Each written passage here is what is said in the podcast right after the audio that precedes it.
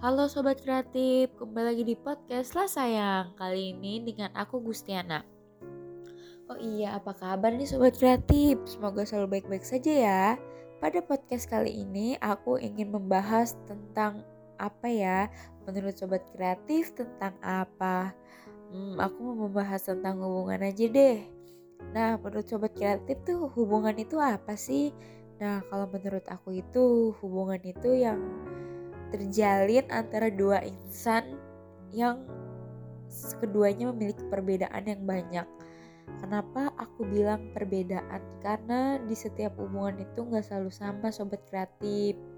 Entah dari pola pikir, sudut pandang. Karena ya tiap manusia tuh diciptain dengan uh, pemikiran yang berbeda-beda.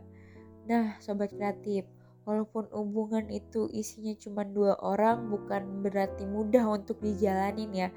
Setepat-tepatnya uh, sobat kreatif memiliki pasangan pasti ada aja ombak atau angin yang menerjang hubungan tersebut. Ya karena kita tuh eh, nggak uh, pernah tahu ya kapan ada masalah atau kapan hubungan kita diuji kepercayaan kita diuji komitmen kita diuji kesetiaan kita diuji nih sobat kreatif tapi uh, di balik situ semua kita bisa mencegah lo sobat kreatif dengan uh, menjaganya menjaga komitmen kepercayaan kesetiaan semuanya lo sobat kreatif. Nah, untuk sobat kreatif yang sudah memiliki hubungan, jangan lupa untuk dijaga terus ya. Apabila uh, terdapat perbedaan-perbedaan itu ya sebenarnya wajar.